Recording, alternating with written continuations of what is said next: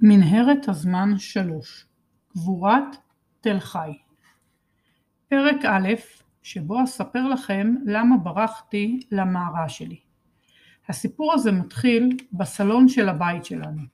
אני ישבתי מול הטלוויזיה וצפיתי בסרט קראטה קיד 2. השעה הייתה בערך חמש אחרי הצהריים. אמא שלי, שהיא מורה, ישבה בחדר העבודה ותיקנה מבחנים של התלמידים שלה. אבא שלי, שהוא מהנדס, עוד לא חזר הביתה מהמשרד.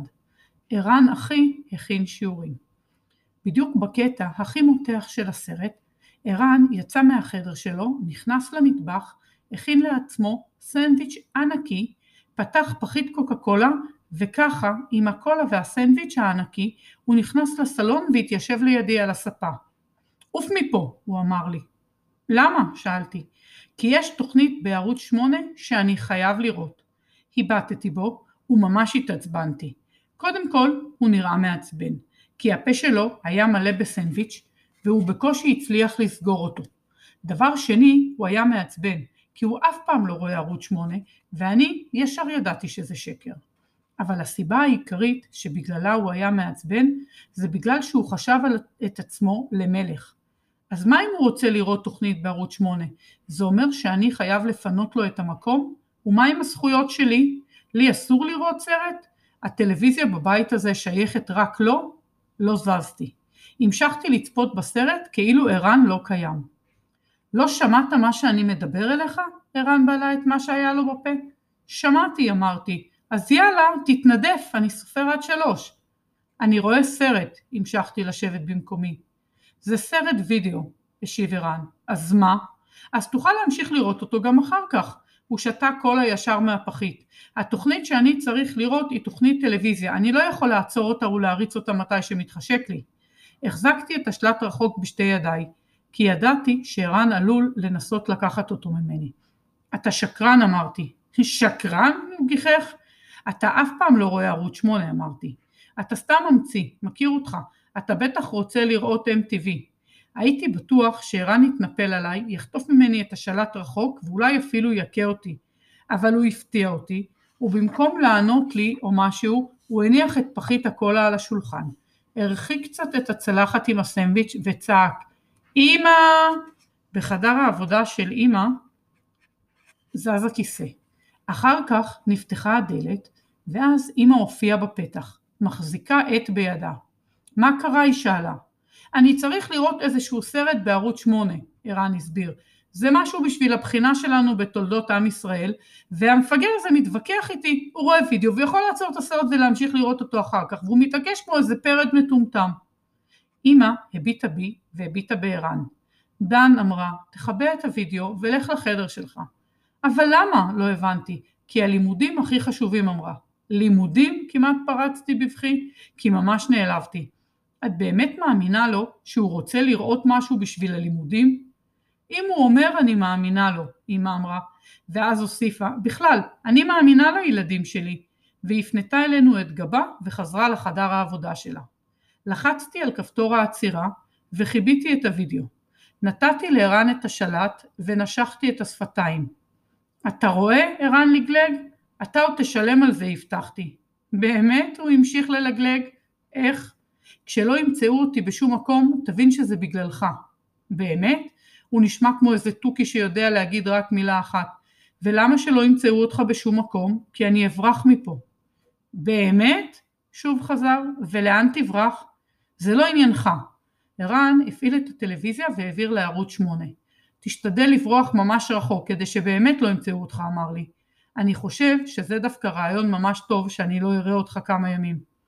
העיניים שלי כבר צרבו מדמעות. אתה עוד תתחרט על הדברים האלה. אמרתי ופניתי לדלת. נראה. אתה עוד תתגעגע אליי, צעקתי מחדר המדרגות. בחלום, ערן השיב. יצאתי מהבית וסגרתי את הדלת.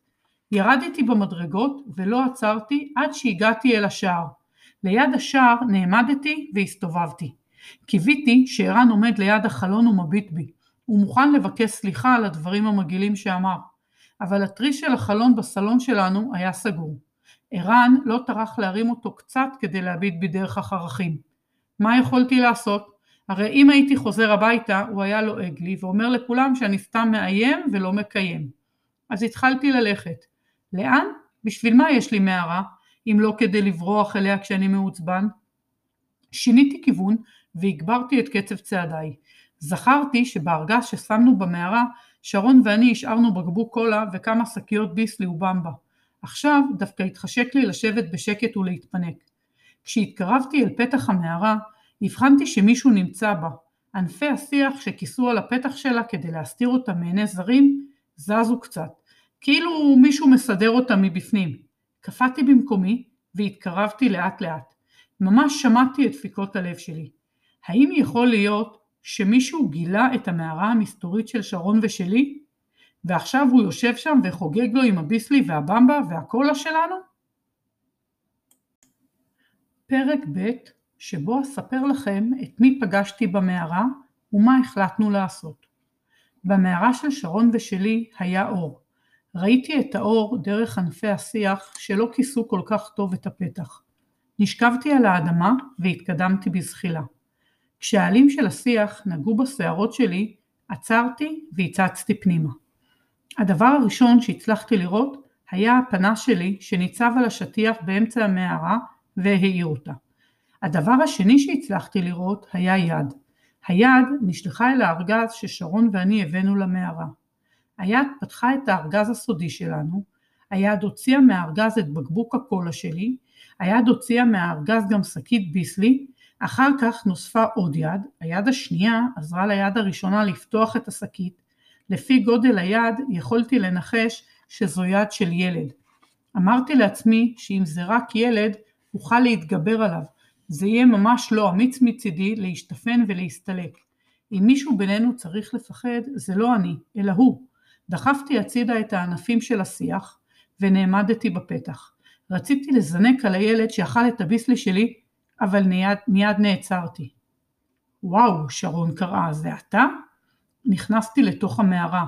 הבהלת אותי, היא אמרה. גם את הבהלת אותי, אמרתי. מה את עושה פה בשעה כזאת? ברחתי מהבית, שרון אמרה.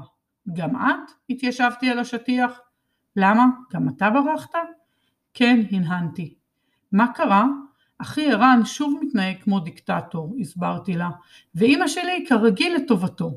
ואצלנו היא כרגיל לטובת רותי. שרון נשענה לאחור על המרפקים שלה.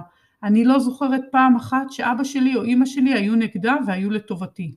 תמיד רק היא הצודקת. רק היא והיא והיא והיא. איזה מזל שיש לנו מערה, נשכבתי על הגב. ככה לפחות יש לנו לאן לברוח. אני מתכוונת להישאר פה כל הלילה, שרון אמרה. בכוונה, אני רוצה שידאגו לי. הפעם גם לי לא אכפת שידאגו לי, הסכמתי איתה. אז נשען פה? היא שאלה. אני מוכן, אמרתי. או ש... מה? אם אנחנו כבר פה, בואי ניכנס, תבדוק את הפתחים שבמנהרה. בואי נבדוק אם המנהרה הצדדית שגילינו תוביל אותנו עוד פעם למלחמת השחרור. עיניה של שרון הבריקו. בחיי שזה רעיון נהדר, היא אמרה. אתה חושב שנוכל לחזור לאותו מקום ולבקר את אלה שהכרנו? את רחל ואת עמינדב ואת גידי ברקוביץ'? אני חושב שאנחנו יכולים לנסות, השבתי. שרון קמה מהשטיח וניגשה אל הארגז. היא התחילה לחטט פה. מה אנחנו לוקחים איתנו? היא שאלה. פנס, השבתי. ותרמיל, וניקח גם חבל ומימייה ועולר וגפורים ונרות, כל מה שייכנס לתרמיל תיקחי. חבל שלא הבאתי איתי את המצלמה. שרון פתחה את התרמיל שהיה בתוך הארגז. היא הכניסה לתוכו את כל מה שיכלה וסגרה אותו. אני מוכנה, הודיעה לי. נדחקנו לתוך הפתח העגול שבקיר, שהוביל למנהרת הזמן המסתורית שגילינו. שרון הלכה ראשונה והאירה את הדרך בפנס. ואני סחבתי את התרמיל והלכתי אחריה. מהר מאוד הגענו אל הפתח של המנהרה הצדדית. כאן פנינו בפעם הראשונה, והמנהרה הצדדית הזאת לקחה אותנו אחורה בזמן אל תקופת מלחמת השחרור. הלכנו והלכנו והמנהרה נהייתה צרה יותר ככל שהלכנו. לאט לאט הרגשנו איך הכתפיים שלנו נוגעות בקירות. גם בפעם הקודמת זה היה ככה? שרון עצרה והסתובבה אליי? איך? לא הבנתי. ככה שהמנהרה נהייתה צרה. אני חושב שלא, ניסיתי לאמץ את הזיכרון שלי. לדעתי כאן באיזשהו מקום היה הסולם שהוביל למעלה. תאירי את הקירות, את לא רואה פה סולם? שום סולם. גם אור לא חודר פנימה, הבטתי סביבי. שום אור. מה עושים? שאלתי. בוא, נמשיך עוד קצת, שרון הציע. אולי בכל זאת נגיע אל החדר עם החביות. המשכנו ללכת, התקדמנו לאט, כי הקירות ממש נגעו בכתפיים שלנו, ועכשיו המנהרה כבר לא הלכה ונהייתה צרה יותר, אלא הלכה ונהייתה נמוכה יותר ויותר. התקרה שלה כאילו ירדה למטה, ואנחנו כבר לא יכולנו ללכת זקוף, והיינו חייבים להתכופף. אחרי כמה צעדים גם להתכופף לא היה טעם, והיינו חייבים לזחול על ארבע. לדעתי, המנהרה הזאת לא מובילה לשום מקום אמרתי. תכף נגיע לקצה שלה ונגלה שהוא סתום ואין מעבר. בוא, נגיע עד הקצה, עד שלא נוכל לעבור, שרון ביקשה. זחלתי אחריה. אני חושב שזה כנראה החוק של המנהרה הזאת. אם נכנסנו לאחת המנהרות הצדדיות ויצאנו ממנה, היא נסתמת וזהו. נסתמת? שרון שאלה ובקולה היה קצת לגלוג. לא? ממש לא. לפי, מי, לפי מה את קובעת שלא? שאלתי, והייתי חייב לכסות את עיניי בכפות ידיי, כי שרון כיוונה את אלומת האור של הפנס ישר אל הפרצוף שלי. אולי תעשי טובה ותכבי את הפנס, את מסנוורת אותי. שרון עצרה. הפנס שלי בכלל לא דולק, היא אמרה. אז ממה האור? האור בא מבחוץ, ולפי האור אני קובעת שהמנהרה לא סתומה. היא המשיכה לזחול קדימה, ואני בעקבותיה. וכך זחלנו עד ששנינו יצאנו מתוך המנהרה אל האוויר הצח ואל אור השמש. וכאשר קמנו ומתחנו את הזרועות וניערנו את הרגליים והתכווצנו תוך כדי זחילה, הבטנו סביבנו ולא היה לנו שמץ של מושג איפה אנחנו, אבל כבר יכולנו לנחש שאנחנו בתקופה אחרת. פרק ג' שבו אנחנו מנסים לנחש איפה אנחנו נמצאים ולאיזו תקופה הגענו. אור השמש שקידם את פנינו לא היה אור של שמש בשעת זריחה, גם לא אור של שמש של אמצע היום, אלא אור של שמש שוקעת. עמדנו ליד הפתח הקטן והצר של המנהרה שלנו, והבטנו סביב. מעלינו השמיים הלכו והאדימו, והתכסו בגוונים של שקיעה. מסביבנו שרר שקט מוחלט. מהר מאוד גילינו שאנחנו מוקפים בחומה. החומה הזאת הייתה חומה מוזרה, כי בחלק הפנימי שלה היו בתים. הקירות של החומה היו כאילו החיצונים של הבתים. היינו במקום די קטן ויכולנו לראות כמעט את כולו. באמצע הייתה חצר גדולה והיא הייתה ריקה מאדם. אם לא היינו רואים את הכביסה שהתייבשה בחוץ ואת המהדרים והמגרפות שהיו בחצר, בטח היינו חושבים שהגענו לאיזו חוות בוקרים נטושה, כזאת כמו שרואים בסרטים על הקאובויים. איפה לדעתך אנחנו נמצאים? שרון שאלה אותי. אין לי מושג, אמרתי, אבל אני יכול לנחש מתי. אתה יודע לאיזו תקופה הגענו? שרון נעצה בי מבט מופתע. אני לא יודע לאיזו תקופה הגענו, אבל אני יודע לאיזו עונה הגענו, צחקתי. אנחנו בחורף, זה בטוח, לא קר לך? אני באמת רועדת מקור, שרון הודתה. יש לי רעיון, אמרתי. מה? את רואה את הכביסה שתלויה שם? הצבעתי על חבלי הכביסה. שרון הנהנה בראשה. את רואה מה שאני רואה? שאלתי. מה אתה רואה? מעיל אחד וסוודר אחד. השיניים שלי ממש נקשו מרוב קור. המבצע הראשון שלנו, לפני שאנחנו מבררים איפה אנחנו נמצאים ולאיזו תקופה הגענו, היא להגיע אל הכביסה ולהוריד את הסוודר והמעיל, ולהתחמם. מה את אומרת? קדימה, שרון חיכה. חצינו את החצר ואף אחד לא הבחין בנו. ליתר ביטחון נצמדנו אל קיר הבית, אבל זה היה מיותר, כי גם עכשיו אף אחד לא הבחין בנו. השארתי את שרון למטה וטיפסתי על המדרגות, הגעתי אל החבלים של הכביסה ומיששתי אותה. הכביסה הייתה די יבשה. היו שם כמה זוגות גרביים שנראו כמו גרביים צבאיות, היו שם כמה חולצות כחולות שנראו כמו חולצות עבודה של פועלים במפעל, היו גם שני זוגות מכנסיים ושלושה זוגות תחתונים. הורדתי בזהירות את המעיל ואת הסוודר וחזרתי איתם אל שרון. מה את בוחרת? שאלתי. את הסוודר, היא אמרה. שרון לבשה את הסוודר והוא הגיע לה עד הברכיים, ונראה עליה כמו שמלה. אני לבשתי את המעיל ומיד גיליתי שהשרוולים שלו ארוכים מאוד ושאני כמעט טובע בתוכו. זה היה מעיל צמר בצבע חאקי. שרון הביטה בי ואני הבטתי בה ושנינו פרצנו בצחוק. את נראית ממש כמו בדיחה אמרתי, ואתה נראה כמו ילד שניסה להתחפש לחייל, אבל התחפושת לא הצליחה לו. שרון צחקה. מה זה כאן? הסמל הזה על המעיל. היא הצביעה על של המעיל שלי. בחיי, תראה, זה מגן דוד. חילצתי את היד שלי מהשרוול כדי לראות את הסמל. באמת היה שם סמל של מגן דוד תפור על השרוול. את רואה? אני חייל, אמרתי לה בגאווה והצדעתי. חייל של איזה צבא? שרון שאלה. של הצבא שלנו, אמרתי. היא הנידה בראשה. זה לא הסמל של צה"ל, היא אמרה. זה מגן דוד, אבל זה לא הסמל של צה"ל. תגיד, היא הביטה בי במבט מעורר, לפני צה"ל היה לנו פעם עוד צבא עם איזה סמל של מגן דוד? ניסיתי לזכור את כל מה שלמדתי בבית הספר, אבל לא הצלחתי למצוא בזיכרון שלי שום צבא יהודי, חוץ מאשר הצבא שלנו עכשיו. אולי זה הסמל של החיילים של דוד המלך, הצעתי? שרון עשתה ביד תנועה של זלזול. אנחנו לא בתקופה של דוד המלך, היא אמרה. וחוץ מזה, לפי הציורים שיש בחוברות התנ"ך שלנו, החיילים של דוד המלך לבשו גלימות כאלה ולא מעילים צבאיים. לדעתי אנחנו בבסיס צבאי, ככה זה נראה. הנה השער והנה החומה, והמעיל שלך הוא מעיל של מדים, זה בסיס צבאי, רוצה להתערב? אני לא מתערב על דברים כאלה, אבל אני מוכן לבדוק. בואי נבדוק אם יש כאן אנשים. מישהו בטוח נמצא בתוך אחד הבתים האלה. עזבנו את המקום שבו עמדנו ליד המדרגות. אני כמעט טבעתי בתוך המעיל הצבאי שלי, ושרון כמעט טבעה בתוך הסוודר הענקי שלה.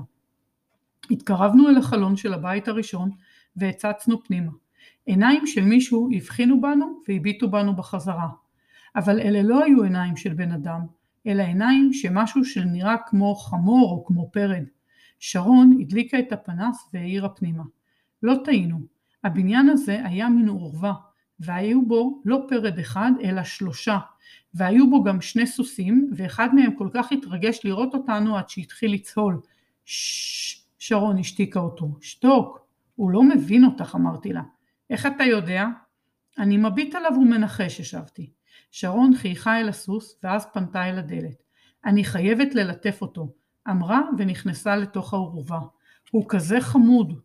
כמעט נכנסתי בעקבותיה, אבל כאשר רגל אחת שלי כבר הייתה בתוך האורווה, ורגל שנייה שלי נותרה עדיין בחוץ, שמעתי מאחוריי קולות. והפעם אלה היו קולות של בני אדם. דלת של אחד הבתים נפתחה, ומהבית יצאו שני אנשים. האחד לבש מדים, והשני לבש בגדים רגילים. האיש שלבש בגדים רגילים נראה כאילו הוא מלווה את האיש שלבש מדים.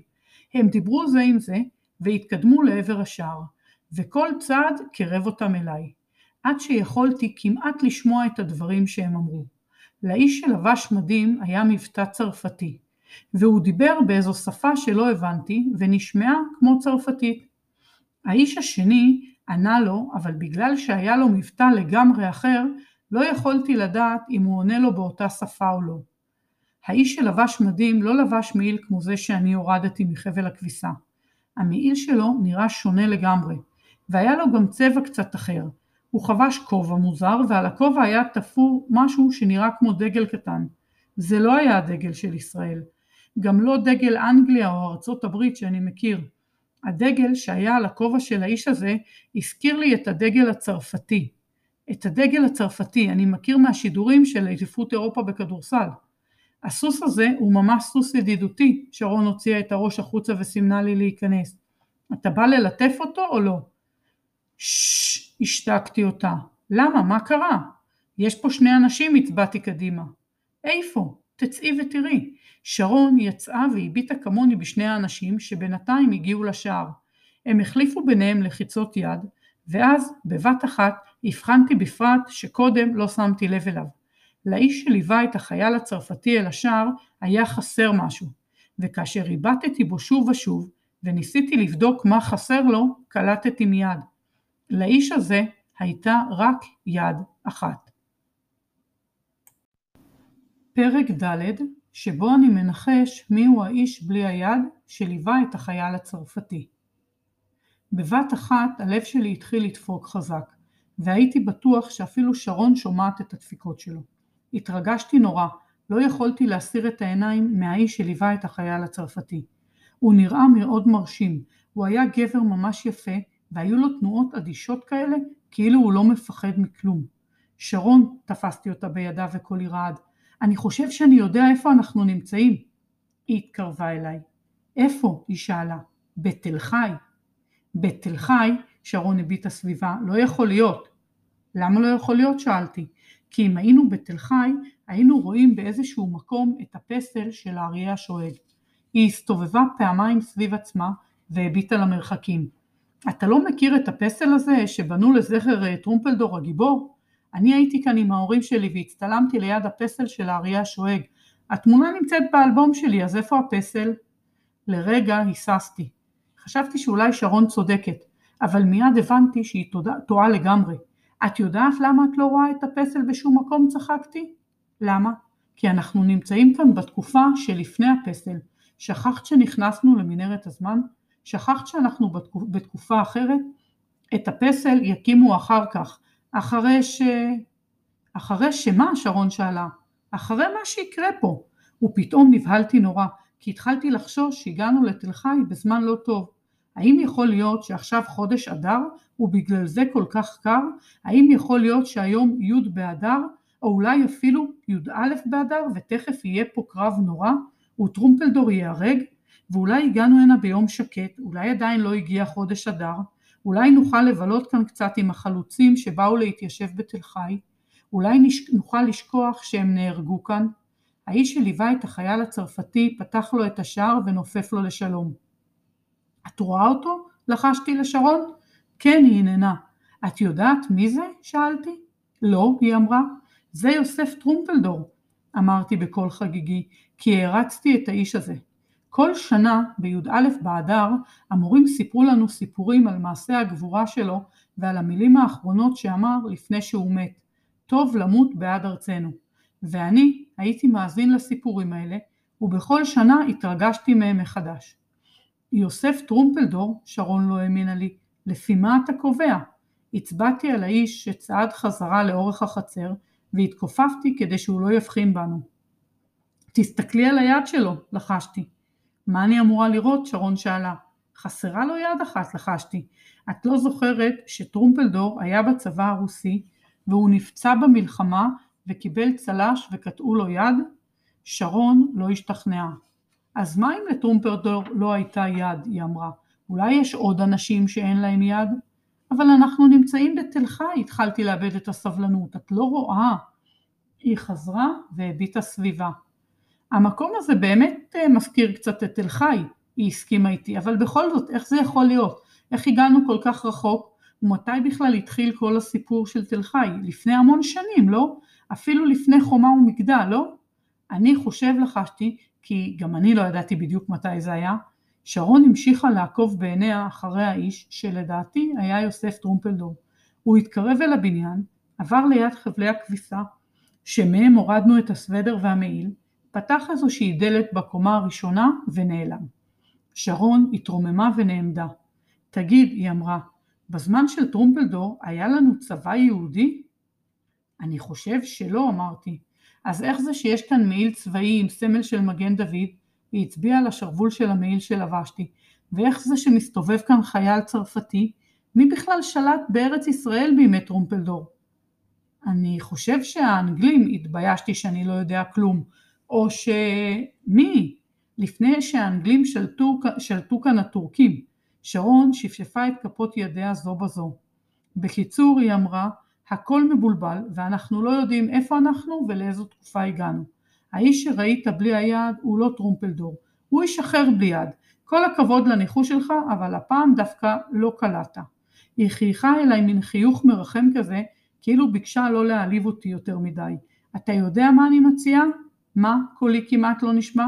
שפשוט במקום לנחש נצא החוצה, נתפוס מישהו ונשאל אותו. בסדר, הננתי, ואם ישאלו אותנו מי אנחנו ומאין הגענו, נגיד שהגענו הנה בטעות, אוקיי? אוקיי, אמרתי. אני לא חושבת שיש לנו סיבה לפחד ממישהו, שרון המשיכה. חיילים עם סמל של מגן דוד לא יעשו לנו שום דבר. נכון, הסכמתי איתה. הדבר היחיד שהם יכולים להגיד עלינו זה שאנחנו לא שייכים לתקופה שלהם, אבל זה בכלל לא פשע. בכלל לא, שרון צחקה. לא שמעתי שמישהו קיבל פעם עונש על זה שהוא התגנב לתקופה אחרת. גם אני לא, אמרתי. יצאנו ממקום המחבוא שלנו, והתחלנו להסתובב בחצר בגלוי. חיפשנו מישהו שיבחין בנו, חיפשנו מישהו לשאול אותו איפה אנחנו נמצאים ולאיזו תקופה הגענו. אבל החצר הייתה שוממה ונפש חיה לא נראתה בה.